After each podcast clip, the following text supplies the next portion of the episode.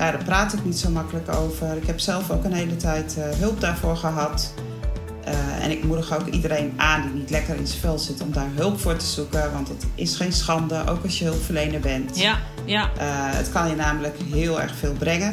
Maar ook moedig dat jij ook zelf, juist als hulpverlener, ik denk dat het juist een kracht is als je zelf ook een heel traject aangaat. Omdat je dan ook een stuk in de schoenen staat van onze cliënten die wij begeleiden. Welkom bij de podcast Jeugdzorg Next Level. Leuk dat je luistert naar deze podcast, waarin je informatie, tips en inspiratie ontvangt, zodat je je begeleidingstrajecten nog beter en klantgerichter kunt maken. De plek waar jij leert wat jouw expertise is. Welkom bij de podcast Jeugdzorg Next Level. In deze podcast heb ik een interview met Mireille Molenaar. Mireille heeft 25 jaar gewerkt uh, binnen de jeugdhulpverlening, onder andere als jeugdbeschermer.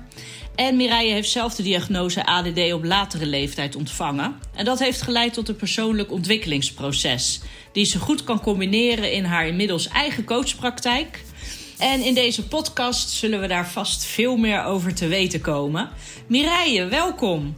Dankjewel, Judith. Ja, leuk dat je hierbij uh, aanwezig wilt zijn en dat ik het interview met jou mag afnemen.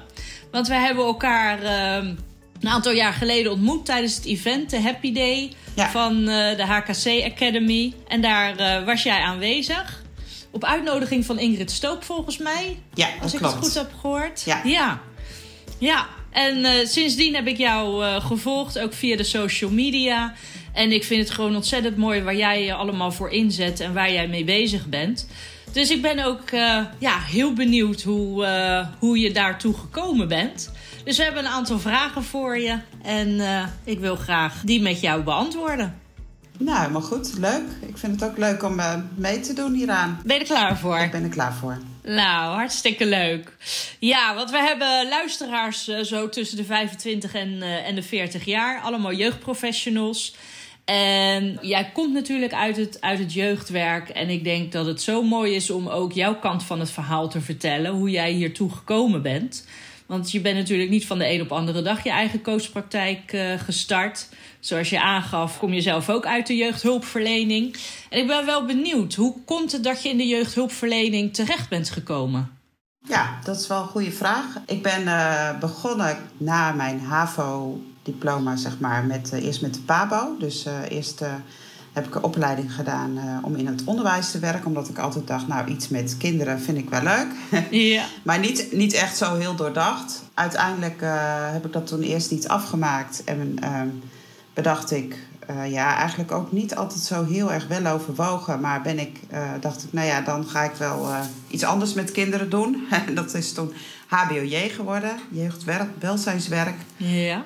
Zo heette het toen nog. En ehm, ja, en ben ik ja, door mijn stage eigenlijk op een kamertrainingscentrum in de residentiële hulpverlening beland. Ben toen gevraagd om ook groepsleider te worden daarna na mijn stage. Ja, en dat heb ik toen 14 jaar gedaan. Zo, zeg maar, wauw. En dat zijn allemaal ja. jongeren die daar verblijven, die daar wonen, uit huis geplaatst waren? Ja. Hoe kan ik dat zien? Ja, jongeren die uit huis geplaatst werden. Die werden dan op die groep... ja, dat was eerst nog inderdaad met 25 uursdiensten en dergelijke. Dat je ja, van de ene dag 11 uur tot de volgende dag 12 uur uh, aan het werk was. Ja. Zonder computer. Dus uh, ja, ik Zo. val niet meer allemaal in de doelgroep tot 40 jaar, zullen we zeggen. Nee, maar je hebt wel de ervaring natuurlijk. Ja. Dus toen werden Ja. de verslagen nog geschreven, of niet? Ja, op de bank samen. Als de jongeren tv keken, dan uh, had ik, zat ik met een map uh, voor me om uh, overdracht te schrijven en zo. Oh, geweldig, geweldig. Ja. En kan je daar nog een leuke situatie van herinneren? Dus ik kan me voorstellen dat in die 14 jaar echt superveel is gebeurd. ja, klopt. En eh, ze zitten daar natuurlijk niet voor niks. Nee, zeker niet. Ja, nee, ik heb zelfs heel recent nog uh, weer iemand gesproken die ik uh, toen ook in de groep had. Dus dat is wel heel erg leuk. Oh, wauw. Ja, dat is echt wel bijzonder. Ja. Ja, er zijn ook nog wel oud-collega's van die, waar ik samen mee heb gewerkt, die ik nog wel steeds ken, die nog steeds in het werkveld uh, zitten. Ja, wat, uh, wat ik kan herinneren is dat we altijd één keer in het weekend een nachtfilm, uh, hè, dat ze een, een nachtfilm mochten kijken. Dus dan was normaal was de bedtijd 12 uur, maar één, of de vrijdag of de zaterdag, mochten ze dan kiezen voor een film. Nou, dan kozen ze natuurlijk het liefst een film die het allerlangste duurde. Tot, en, uh, maar het was ook gewoon wel heel gezellig. Er kon ook wel gewoon veel meer nog dan, dan nu. Door, door toch wel veel meer regels, protocollen. Ja. Ja, dus dat vond ik zelf ook altijd wel heel gezellig. Om dan uh, samen ja, gewoon een film te kijken. En dan deed ik wel even iets qua werk. Maar ja, ook wel gewoon uh, dat het dan gezellig is. Hè? Dat is natuurlijk wel belangrijk. Dat je er met ze bent. Ja, ja. precies. Wel ja. gaaf. Maar ook wel een grote stap, denk ik, vanuit een stageplek, dat je daar ineens gaat werken. Vond je dat niet lastig? Nou, het was inderdaad wel pittig achteraf gezien. Want ik uh, had dus, wist eigenlijk nog niet precies wat dan kamertrainingscentrum. Nou, dat ging prima. Maar dat was veel meer. Jongeren hadden heel veel eigen verantwoordelijkheid. En uh, natuurlijk, die gingen ja, op zichzelf wonen. En dan op zo'n leefgroep was dat wel even anders. En daar werd ik toch wel een soort van in het diepe gegooid. Ja. Dat was wel uh, achteraf gezien, denk ik, zo. Poeh. Ik was ook vaak wel lang bezig, s'nachts, om alles op, uh, op een rijtje te zetten voor mezelf. Ja, ja, uh, kan ik me voorstellen. Maar ja, wel ook een hele mooie ervaring. Nee, het was, het was een bijzondere tijd. Ik kan daar ook nog heel veel... Uh, ja, natuurlijk heb ik daar heel veel herinneringen aan. En uh, van leuke dingen, ook uitjes gaan doen met jongeren. En, uh, maar natuurlijk ook hele heftige dingen die Ja. niet zo fijn waren. Denk ik wel eens aan terug. Als je dan bedenkt, ook nu de, hè, over bijvoorbeeld afzonderen of fixeren. Uh, nou, dat was allemaal toen niet zo duidelijk. Ja, en dat heb ik ook wel eens gedaan, zeg maar. Ik heb ook wel eens Ja. iemand vastgehouden... omdat het echt niet uh, te handelen was. En ik had twaalf jongeren in de groep. En ja, dat zou ik nu dus echt wel anders doen. Dat, uh, Ja. als Ja. ik daar, dat, daar kijk ik niet met plezier op terug. Hoe Nee, dat, nee, uh, nee. Maar ja, je Nee. had toen ook niet heel veel anders in handen. Het is ook zo. Het en je doet wat op dat moment het beste is natuurlijk. Ja, ja, Ja. maar dat, dat, zou, ja, dat zou eigenlijk niet meer zo moeten. Nee. Nee, nee. Nou, je hebt toch 14 jaar daar, eh, daar gewerkt. Ja, klopt. En eh, toen heb je de volgende stap gezet. Ja, toen dacht ik, nou is het geloof ik wel... Er kwamen natuurlijk ook steeds meer nieuwe collega's weer. En uh, ja, en dat is leuk. En, maar op een gegeven moment dacht ik ook wel van... Nou, ik geloof dat ik hier nu wel klaar ben. Ook wel het onregelmatige werken. Ik had inmiddels ook zelf een aantal kinderen gekregen. Ja. Uh, en uh, dat was toch best af en toe wel lastig. Dat ik dan regelmatig ook in het weekend moest werken. En feestdagen. Dus ja, toen uh, heb ik de stap gezet om te solliciteren als jeugdbeschermer. Dat is ook niet echt een hele lichte functie. Nee, klopt. Had je dat bedacht van tevoren of wat was je beeld van jeugdbeschermer? Ja, nou, wat ik ook al eerder een beetje aangaf, is dat ik niet altijd alles heel erg bewust deed. Nee, nee, nee. Maar het leek me wel heel interessant, omdat ik uh, ja, daar toch uh, hoopte ook, ook op een andere manier wel verschil te kunnen maken voor jongeren. En dat is eigenlijk wel wat, wat toch steeds mijn drijfveer is. Ja. En, uh, en daar kom ik nu eigenlijk goed achter van waarom heb ik eigenlijk dingen gedaan zoals ik ze deed. En dan zit Ja. daar toch wel een, best wel een goede reden achter. En, en wat eh, is die reden dan? Nou ja, dat je graag iets, dat je verschil wil maken. Dat, dat een jongere dus ook echt, ja, door het contact of dat, door de handelingen die je doet, dat het daardoor beter gaat. Omdat er gewoon heel veel ellende is Mm. bij jongeren in de hulpverlening. Ja, ja. En jongeren, welke leeftijd heb jij het dan over? Nou ja, in principe heb ik eigenlijk altijd wel gewerkt voor, voor kinderen van 0 tot, tot 18, zeg maar.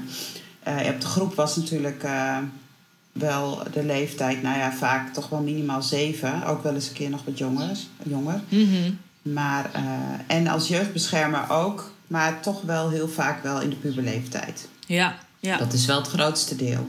Ja. Gaaf hoor. Ja, want je hoort natuurlijk ook heel veel mensen aangeven dat ze het lastig vinden om met pubers om te gaan. En wat zorgt ervoor bij jou dat jij daar wel de aansluiting bij weet te vinden?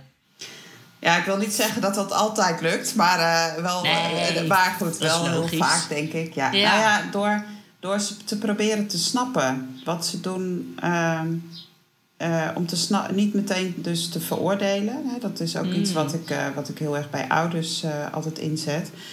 Dus niet altijd oordelen over eh, wat er gebeurt, maar meer van hé, hey, maar hoe komt het nou dat je dit doet? Of waar komt dit vandaan? Of wat zou jij nou het liefste willen? Wil je dit ook zo houden of zou je het liever ook anders willen? Dat, dat je Ja. gewoon in gesprek blijft en niet, ehm, ja, ook, Het afkeurt wat er gebeurt. ja, en ook niet erboven staan. Eh, ja, wat natuurlijk soms wel moest hè, als jeugdbeschermer, maar wel Mm. altijd proberen in contact te blijven en te proberen te snappen ja, waarom, waarom iets gebeurt. Ja. Wat is er een bepaalde situatie eh, die nu bij jou omhoog komt, die veel indruk op jou heeft gemaakt met een jongere in positieve zin?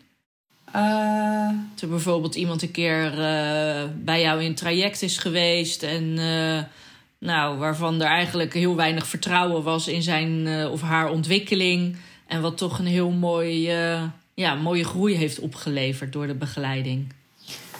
Ja, ik, ik vind dat ook meteen al altijd een beetje gevaar van... oh ja, ik moet natuurlijk eh, zorgen voor privacy. En ik, eh, maar eh, ja, wat ik wel zo heel mooi heb gevonden... ik heb ook nog wel enigszins contact mee... is een meisje die, waar ik voogd van was. En nou, die van instelling naar instelling ging. Haar moeder was al overleden. En... Mhm. nou ja, daar heb ik heel veel mee meegemaakt. En, maar dat ze op een gegeven moment toch ook in gesprekken... dat ik echt merkte dat, haar, dat ze niet begrijpen werd. Dus eh, ja, je moet eigenlijk maar in een behandeling moet worden opgenomen. En ik had zoiets, ja, maar dat vind ik helemaal niet goed. En Nee. dat, eh, dat liet ik dan ook gewoon heel duidelijk merken... dat ik daar het niet mee eens was. En eh, toch gewoon steeds kijken van... wat heeft dit meisje nou nodig? En in, in gesprek met haar blijven. En, en dat zij nou zo opstandig is... Dat wil helemaal niet zeggen dat zij opgenomen moet worden. Maar dat komt misschien wel doordat je niet goed aansluit bij de. Hè? Ja, ja, ja, ja, eh, nou ja, dat, dat soort dingen, dat, dat is wel vaker gebeurd. En dat ik ehm, ja, uiteindelijk dan toch probeer met alles wat er mogelijk is... om te kijken naar de beste oplossing voor een plek. Hè? En dan, Ja, precies. Dus je kijkt eigenlijk achter het gedrag. Dus ja, hè, je, je gaat er niet op eh, af wat, wat ze laat zien. Maar je gaat toch meer op onderzoek uit van... hé, hey, wat zit er nou achter? Wat stuurt haar? En hoe kan je daarop aansluiten? ja, en dat vaak is... is, dat misschien onzekerheid of, of het niet gehoord worden... zoals je aangeeft. Ja, dat is eigenlijk altijd zo. In, in alle Ja. gevallen. En dat ben ik steeds meer gaan zien. En ehm, ja, dat, dat drijft mij steeds meer dus om te kijken achter het gedrag. Waar komt Ja. het vandaan? En het is bijna altijd vanuit pijn, vanuit trauma, vanuit ja, onzekerheid. Hè, noem maar op. Hmm. En als je dat kan zien, dat dat Ja. eigenlijk altijd door iets komt, dat gedrag, ja, dat opent wel, eh, opent wel heel veel deuren. Ja, Ook- absoluut. Ja, Maar ook de ingangen natuurlijk die je dan hebt met de jongeren. zeker. Om daar eh, een connectie mee te maken. Ja, Dus dat is misschien wel jouw geheim. Jouw sleutel, waardoor het lukt. Ja, mooi om te horen. Want inderdaad, ja, vaak in de, hè, in de, in de, in de waan van de dag en in de begeleiding... dan ehm, gaan veel mensen uit van hetgeen er wordt getoond in het gedrag. En daar gaan ze dan op af. Maar eigenlijk kan je veel verder kijken dan dat, dat het gestuurd wordt. En op het moment dat je ziet waar het door gestuurd wordt... kun je daarbij aansluiten... ja. En ik denk dat het ook voor jezelf veel makkelijker maakt dat je het niet als een persoonlijke aanval ziet hoe een jongere tegen jou reageert, maar dat je dat kunt plaatsen in de context. Precies, nou ja, daar pak je een hele andere belangrijke, eh, ja, die ik heel belangrijk vind, is dat dat, dat eh, zo belangrijk is dat je als hulpverlener dingen niet persoonlijk opvat. Ja, Hè? En, en daarvoor moet je dus eigenlijk heel goed jezelf eh, kennen. ja, En, want, want er ontstaat ook zoveel meer ruimte als je dingen niet persoonlijk opvat. Mm. Hè? Als je niet die boze ouder eh, die boos is op jou, dat gaat helemaal niet over jou als hulpverlener. nee, Dat gaat over heel wat anders. En als je dat leert zien en dat dus eigenlijk naast je neer kan leggen. En, en dus er samen achter gaat komen van hé, hey, waar komt die boosheid nou vandaan? Dan, ja, dan ben je echt heel veel stappen verder. wauw. Ja.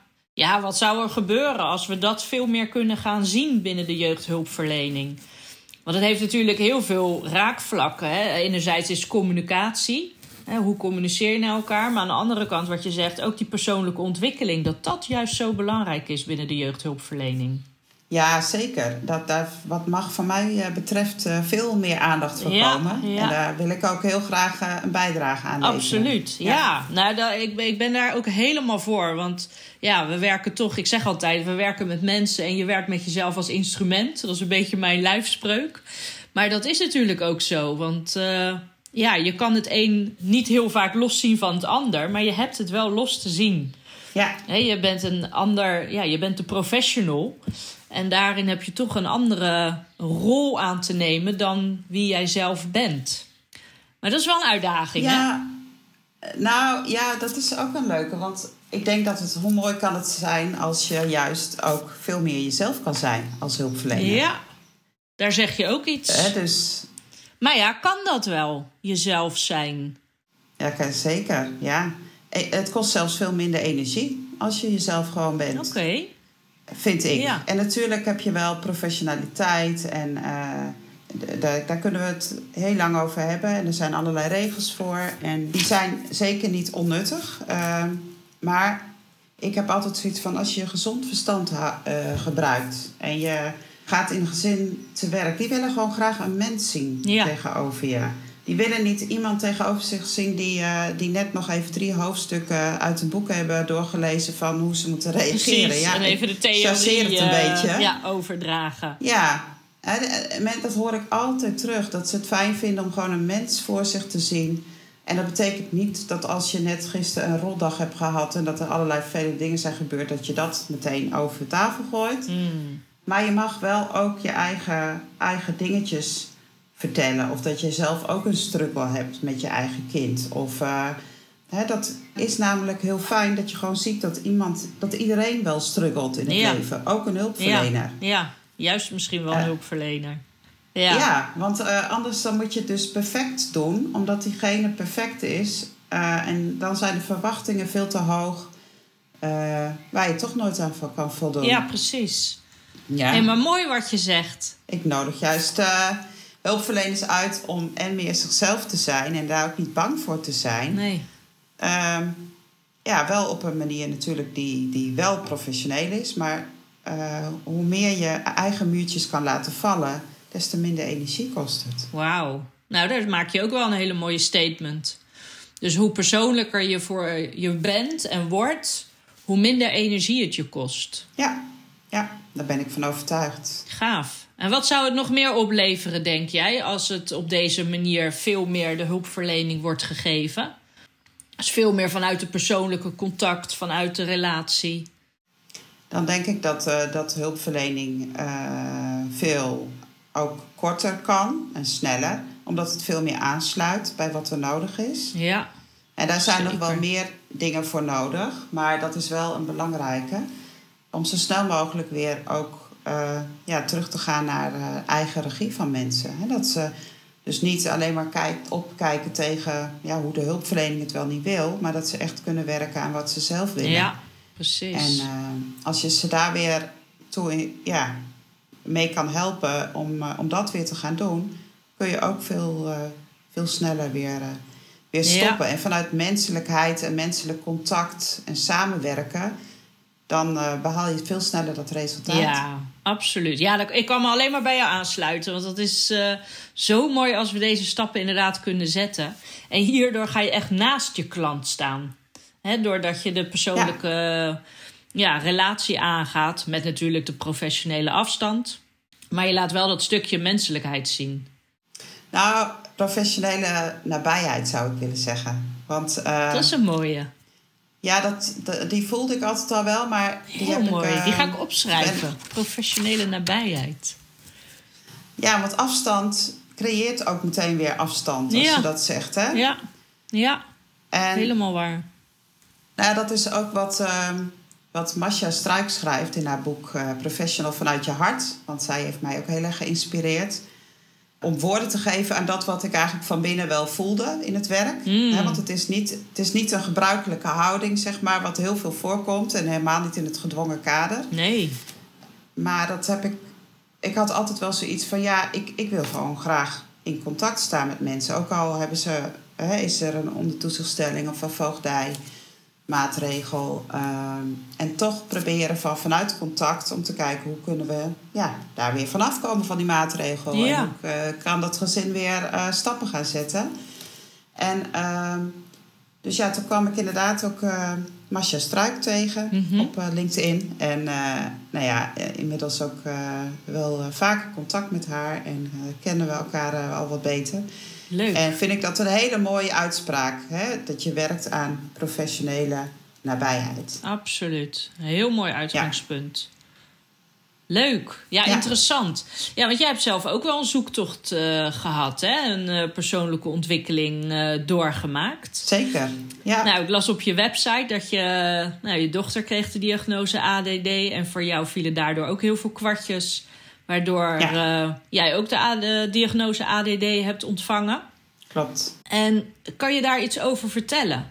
Over dat proces? Eh, ja, mijn dochter die, die liep best wel tegen een aantal dingen aan in het eh, onderwijs. Ze kreeg heel vaak te horen dat ze dromerig was en traag. En nou ja, zich moeilijk kon concentreren. En nou ja, dat merkte ik natuurlijk ook wel. Mhm. Maar ja, wat dat betreft is dan de diagnose ADHD veel opvallender. Hè? Want dan, Ja. eh, dan vertonen kinderen vaak probleemgedrag in de klas wat, eh, wat niet te negeren valt.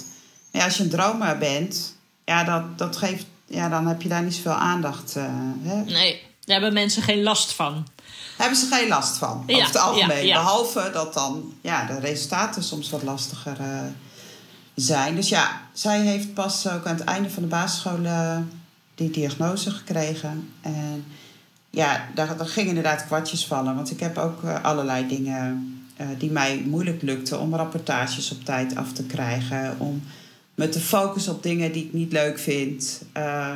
Ik heb ook best wel een tijd... eh, nou ja, dat ik ook in mijn eigen huishouden de boel niet op orde kon krijgen. En, nou ja, dat is ook wel, dat is echt wel een pijnlijke periode geweest, zeg maar. Eh, Mm. Dat ik gewoon heel veel dingen die, eh, ja, kreeg ik gewoon niet op orde. En dat heeft, deed me niet altijd goed. Dus ik eh, Nee. heb ook wel een periode gekend daarin, waarin ik best wel down was zelfs. En ook niet zo goed meer wist van, hé, hey, hoe ga ik dit allemaal redden? Nou ja, ik heb grotendeels mijn drie kinderen alleen opgevoed. Oké, zo.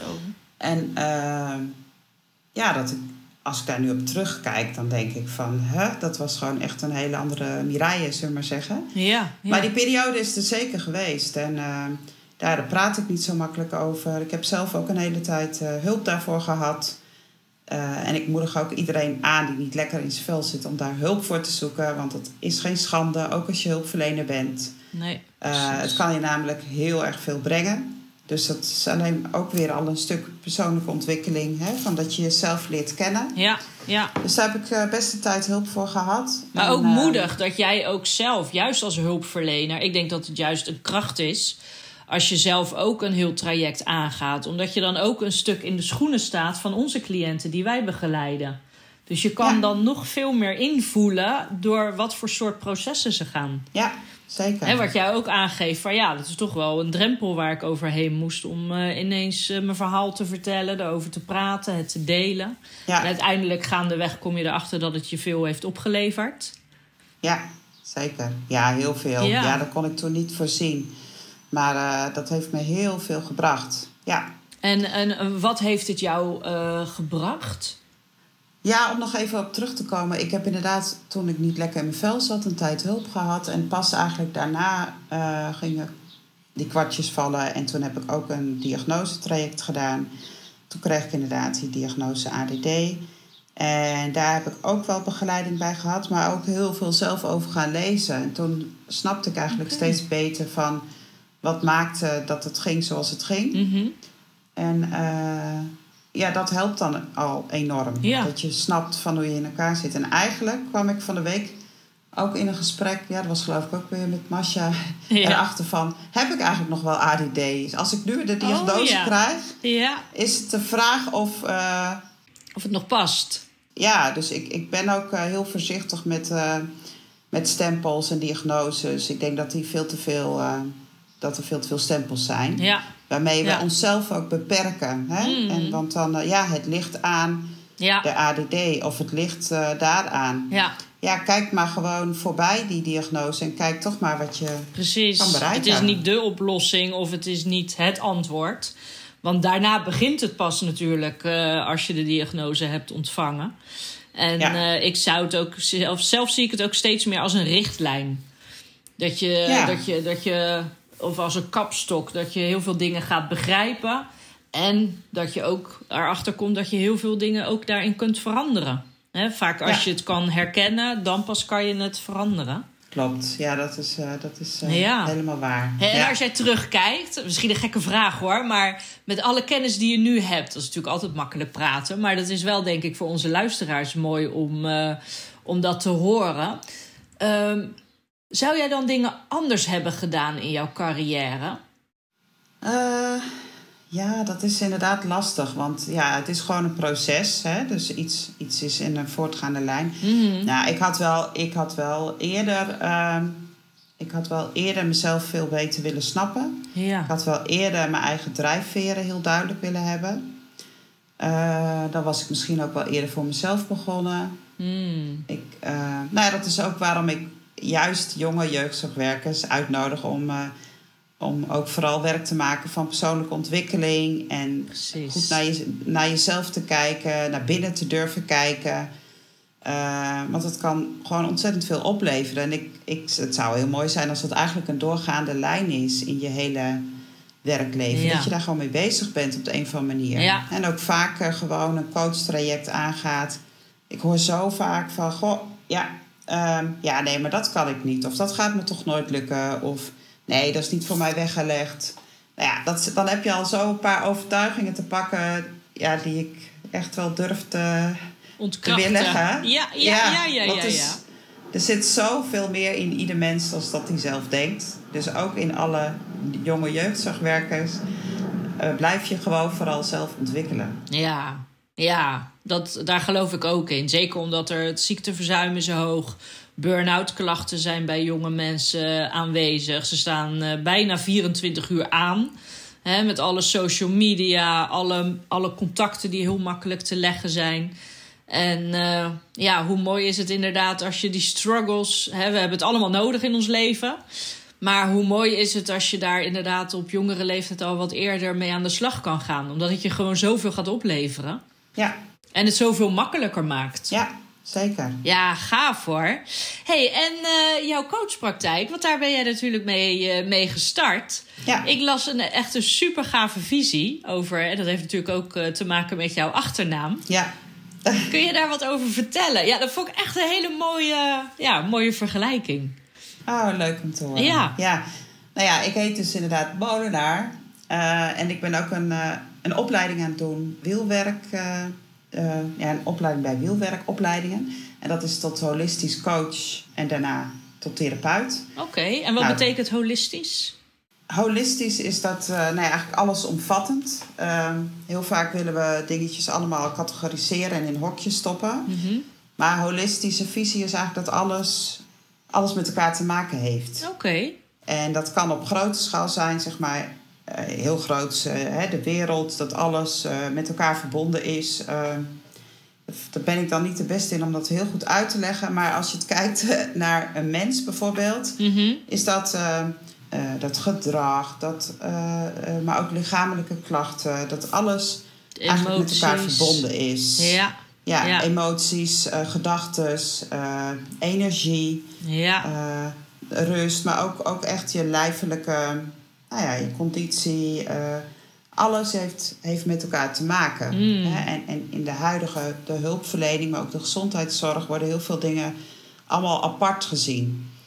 Eh, dus ik vind dat ook echt heel erg mooie visie. Toen ik begon aan de opleiding, dacht ik ook wel van, nou, mm, ik vind het heel leuk, maar is het wel past het wel bij mij? Is het niet, is niet te zweverig? Ja, ja, ja. Ja, ja, dat wordt heel vaak gezegd, want het is dan ook met, uh, wel spiritueel. En, uh, ja, en ik kom er eigenlijk steeds meer achter van, ja, ja, dat mag je zweverig vinden. En dat is natuurlijk aan ieder, maar mm. het is niet zo. Het is juist heel veel meer benen met de beide benen op de grond. Ja. En dat je ook snapt hoe dingen werken van je eigen lijf en van hoe emoties werken, hoe dat invloed kan hebben ook op uh, lichamelijke klachten. Uh, dus ik vind dat juist heel erg mooi. Um, dan, het wordt eigenlijk een heel veel completer verhaal. Prachtig. En dan kan je ook kijken hoe je dat allemaal in balans kunt krijgen. Ja, mooi. En dat heb jij geïntegreerd in jouw coachpraktijk?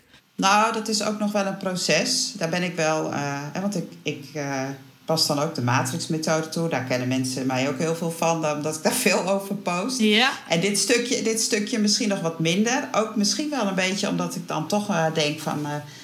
nou ja, gaan ze dan niet afhaken, want dan vinden ze allemaal veel te zweverig. Mm. Dat bedenk ik me nu ook. Dat ik daar, dus ik ben naar mijn weg aan het zoeken hoe ik dat ga integreren met elkaar. Ja, hoe je het voor jezelf heel praktisch kan maken. Ja, hoe je dus uh, ja, veel meer uit je hoofd gaat, maar ook meer gaat voelen in je lijf. Waardoor je ook makkelijkere keuzes kunt maken voor wat je wel gaat doen of niet gaat doen. Hoe je minder stress hebt. Zo belangrijk, zo belangrijk inderdaad. Om dit werk ook vol te kunnen houden. Ja, ja, precies. En wat is dan de link met jouw achternaam, met Molenaar? Oh ja, sorry. Ja, nou, dat is misschien nog wel uh, een. Uh, stukje ADD. Dat ik heel erg veel associeer en altijd van het ene onderwerp naar het andere. Ja, heerlijk. Ik hou ervan hoor. Ik, kom, ik ga helemaal met je mee. ja, terug naar de molen. Ja, ja. Ja, want dat, uh, dat holistische is dus dat, je, dat alles, uh, ja, alles draait, zeg maar. Hè? Je, de, ook de, de jaargetijden bijvoorbeeld. Hè? Dat je, je begint in de lente, maar dat is ook vaak nieuw leven, gedachten, ideeën. Nou, dan ga je naar de zomer toe en dan is er veel meer energie, er is uh, blijheid. Uh, uh, nou ja, of nee, de emoties die horen weer juist bij de herfst. Hè, dat je ook verdrietig kan zijn of juist blij kan zijn, dankbaar voor wat er al allemaal is en wat er, ja, waar je ook afscheid van kan nemen. Mm -hmm. En nou, in ieder geval, alles heeft gewoon een cyclus wat ronddraait. Ja, ja. Ik, ga, ik zal niet helemaal uitweiden over het hele systeem zeg maar, van maar de ik volg je, het is mooi. Inderdaad, ieder seizoen heeft zijn eigen kenmerken en eigenschappen. Ja, klopt. Ja. En uh, ja, ook je eigen leven dus. En, ja. uh, en sommige dingen die zijn uh, tijdelijk geblokkeerd... doordat er iets is gebeurd of omdat je jezelf blokkeert. En het is heel mooi om te, dan te leren hoe je dat ook weer op gang kan krijgen. Dus hoe je als je ergens op blokkeert en het gaat niet zo lekker of het stroomt niet of je bent heel veel moe. Hoe je dat dan weer inderdaad in beweging krijgt. Dat je je weer lekker gaat voelen of dat je weer stappen gaat zetten wat jij wil gaan doen. Ja. Uh, ja, en dat is eigenlijk, uh, nou ja, ook een molen die draait natuurlijk ook maar door. Mm -hmm.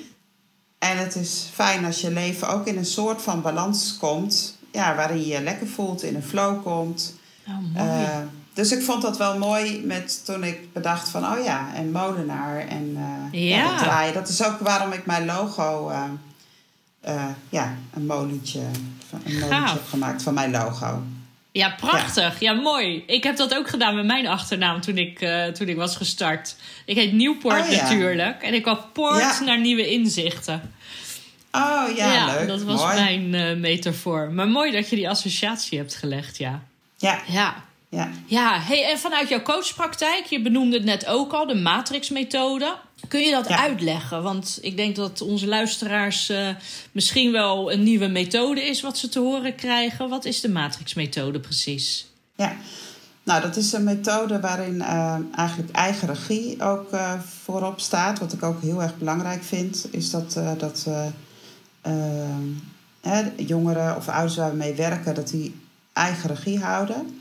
En het is een hele mooie methode om en meer rust uh, in je hoofd te ervaren. Mm -hmm. Dus en voor jeugdhulpwerkers uh, zelf, maar ook uh, om zeg maar toe te kunnen passen bij cliënten. En daarnaast ook om um, ja, gewoon nare dingen te, ja, te neutraliseren, zeg maar. Iets wat, als je een trauma hebt meegemaakt, dat kan iets heel kleins zijn. Eh, maar ook grotere dingen, die kunnen er uh, vrij makkelijk mee geneutraliseerd worden. Mhm. En dan zonder te praten over de inhoud. Dat vind ik ook zo'n sterk iets van deze methode. Oké, oké. Uh, en het gaat in op verschillende belevingen: het zien, horen, voelen, denken en ruiken en proeven. Mhm. Het is nog niet helemaal erkend als een, als een, een traumabehandeling, maar er komt wel steeds meer bekendheid. Wordt ook door, toegepast wel door uh, praktijkondersteuners. Nou, een huisarts recent heeft er veel over verteld over dat er veel minder doorverwijzingen zijn naar de GGZ. Wow. Uh, 80 tot 90 procent zelfs minder verwijzingen naar de GGZ Zo. in die huisartsenpraktijk. Ik heb daar wel een filmpje van gepost. Gaaf, door toepassen die, uh, dus van de matrixmethode. Ja, en dat kan toegepast worden bij, uh, ook bij gedragsproblemen, bij boosheid. En dan kijk je ook dus weer achter het gedrag. Dus van wat zit er nou achter? Er zit altijd iets onder. Mm. Hè, waarom mensen boos zijn of verdrietig zijn of uh, doen wat ze doen. Ja. En dat is, die matrixmethode is daar weer ook uitermate geschikt voor om dan toe te passen. Precies. Maar ook voor, ook voor blokkerende gedachten of vaste overtuigingen die je hebt. Dat je iets niet kan of het zal toch wel weer niet lukken. Of, ja, die kan je ook omzetten in, in positieve overtuigingen. Of de, ja, het is, ja.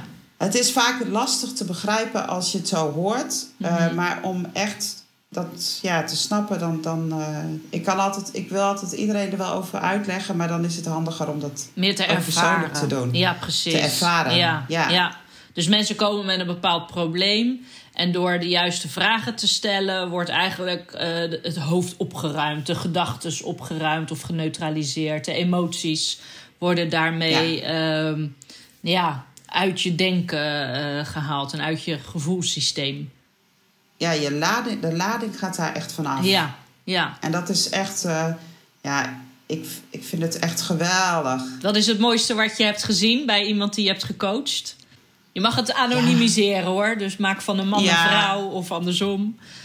Ja, nou goed, wel uh, iemand die ervaringen had met seksueel misbruik bijvoorbeeld. En daar ook al heel lang last van had. Zo. Uh, heb ik eigenlijk in één uur tijd meerdere ervaringen van dat misbruik geneutraliseerd. En ehm, zonder dat ik weet wat het precies was. Dus uh, hè, dat weet ik dan wel, dat het daarover ging. Mm -hmm, mm -hmm. Maar niet die situatie zelf, dat weet ik niet. Nee. Maar het is ook iemands eigen beeld, iemands eigen beleving erbij, eigen gedachten, eigen gevoel in je lijf, wat je erbij hebt als je daaraan terugdenkt. Nou, dat vond ik wel heel bijzonder. Ik sta ook eigenlijk elke keer weer te kijken van hoe kan dit? Ja, hoe hè? krachtig dat is, hè? Heel krachtig. Ja. En ja. dan kom je er ook steeds meer achter hoe dus de gedachten zo hè, en de beelden zo bepalend zijn voor iemands ja, functioneren in het leven. Ja, ja of, of iets uh, uh, lichters, uh, niet meer op de snelweg durven te rijden. Ja. En dan na, ja, ook binnen een uurtje tijd dat coachen, dat, dat dat wel weer lukt. Hè? Of geen last meer hebben van een auto-ongeluk. Hè? ook in een uur tijd eigenlijk dat trauma helemaal opgelost. Wauw, gaaf. En wat heeft het jou opgeleverd, deze tool, deze methode? Ja, dat, ik, ik blijf erbij dat relatie heel belangrijk is. Hè? Dus dat je, als je iemand helpt, dat dat het uh, belangrijkste is. Mhm. Dat je het vertrouwen hebt. Ja. Maar deze methode is zoveel krachtiger dan ontzettend veel praten over dingen. Ja. Dus als je echt iets wil oplossen, dan is dit zo'n mooie manier om zonder daarover te praten het heel snel op te lossen. En en uh, ja, bij de een zal het langer duren dan bij de ander. Hè, als er heel veel overtuigingen zitten van ja, maar dit gaat toch niet werken. Hè, dan is het uh, niet zo dat het dan ineens. Uh, je moet het wel willen. Ja. Maar het is echt een heel, heel krachtig middel. En daarom ben ik er heel erg enthousiast over. Dit is wel het eerste wat ik echt denk van ja, hier kan ik echt voor iemand iets heel groots betekenen. Ja, ja prachtig. Ah, mooi. Nou, daarom ben ik ook blij dat ik nu ook de training mag geven. Dus dat ik ook jeugdzorgprofessionals mag trainen in deze methode. Oh, wow. Want ik zou het geweldig vinden als deze methode gewoon heel veel toegepast gaat worden in heel veel facetten ook van de jeugdhulpverlening. Absoluut. Want wat zou daarin het verschil maken, denk jij? Veel, ook weer veel kortere trajecten. Uh, veel minder verslagen administratie en dergelijke. Kijk, daar worden we allemaal blij van. ja, ja, gewoon echt een oplossing is Ja, het. ja. Waardoor mensen weer blij worden, eh, zich lichter voelen. Ja, weer veel eh, met energie weer eh, het leven aan kunnen. Zeg maar. Precies. Ja, mooi, krachtig. Ja, Hey, en als, als afsluiter deze vraag, waar zie jij jezelf over vijf jaar staan? Ja, dat is een hele mooie. Als alles Eh, mogelijk is. Ja, nou precies. Nou, ik heb ehm, eh, recent bedacht, want ik geef dus jeugdhulp. Hè, ik bied jeugdhulp aan kinderen hier in de regio. Ik, werk, eh, ik woon in Zwolle. Hè, in deze regio bied ik jeugdhulp. Ik wil me ook Mhm. eigenlijk steeds meer gaan richten juist op jeugdzorgprofessionals. Eh, en ehm, dus ik wil graag individuele werkers coachen. Maar daarnaast wil ik ook eigenlijk heel graag, dat is nog maar heel recent bedacht... Ja. Uh, maar nu zet ik hem dan meteen maar neer. Dat ik uh, een mooie training uh, ga ontwikkelen voor jeugdzorgprofessionals. Die uh, ja, voor persoonlijke ontwikkeling. eh, juist om ook ja, dat te, ehm, Volgende stap ja, te, kunnen zetten. faciliteren. Wat ik, eh, wat ik eigenlijk heel graag iedereen toewens. Is Ja. dat ze gewoon zichzelf beter leren kennen. En daar zou ik heel graag een hele mooie training voor eh, ontwikkelen. Dus dat is Ah, eigenlijk in ieder geval. Ja. een doel. Ja. ja. maar wat voor meerwaarde heeft het ook dat jij zelf uit het werkveld komt? En dat je eh, de struggles kent, eh, de, de situaties herkent waar we allemaal in zitten. Ja. En volgens mij is dat juist zo nodig. Ik geloof altijd in een soort van buddy-systeem. Net zoals, eh, ja, er zijn zoveel jongeren die van school komen, die het werkveld ingaan. En na twee, drie jaar dan schrikken ze eigenlijk. Omdat ze ineens beseffen van wow, is dit eigenlijk wel wat ik wil? Omdat Ja. er zoveel eh, eh, gebeurt waar ze nou geen weet van hadden of hebben. En ja, dat ze dat ook wel lastig vinden om daarmee te dealen. En het zou natuurlijk zo Ja. mooi zijn als je ja, die groep ehm, jeugdprofessionals direct kan meenemen in een persoonlijk ontwikkelingstraject. Zodat ze dat Ja. veel makkelijker voor zichzelf kunnen gaan handelen. En niet uit Ja. het werkveld hoeven te stappen. Want dat zou natuurlijk super zonde zijn. Ja, daar is denk ik ook heel veel te winnen. Dus ook goede Ja. begeleiding, maar ook dit soort dingen. Ja. Nou ja, en daarnaast natuurlijk blijf ik ook zeker de, de matrixmethode promoten en dat ik die inzet. Dus dat zie ik voor me, dat daardoor door al hè, die trainingen te geven en door die eigen training te ontwikkelen, Ja, ja, dat al met al eh, de jeugdzorg een stukje mooier wordt. ja prachtig. Ja, Nou, dat eh, vind ik een mooie afsluiter. Of heb jij nog een toefje? ik kan altijd doorpraten, maar ik vind het ook mooi. Ik wil je ontzettend bedanken voor dit hele mooie, mooie interview, voor deze mooie podcast. En eh, Graag gedaan en heel fijn dat ik eh, dit mocht doen. En eh, om mijn verhaal te vertellen, heel erg leuk. ja, nou hartstikke leuk. En heb je misschien toch nog als afsluiter een laatste boodschap aan onze luisteraars? Wat zou jij ze nog mee willen geven? Nou, blijf vooral het vak doen, zou ik zeggen. Hè? Het is hartstikke mooi werk. Eh, maar blijf jezelf daarin ontwikkelen, want dan wordt het alleen maar mooier. Ja, perfect. hey, dankjewel Mireille. Graag gedaan. We gaan hem afsluiten. En eh, aan alle luisteraars bedankt voor het luisteren.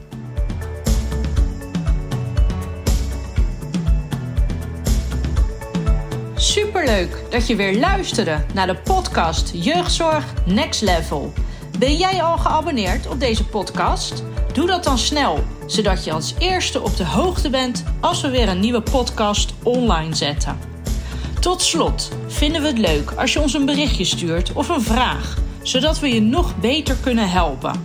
Stuur een pb'tje via de socials of mail naar Judith apenstaartje hkcacademy.nl. Bedankt voor het luisteren en tot een volgende podcast.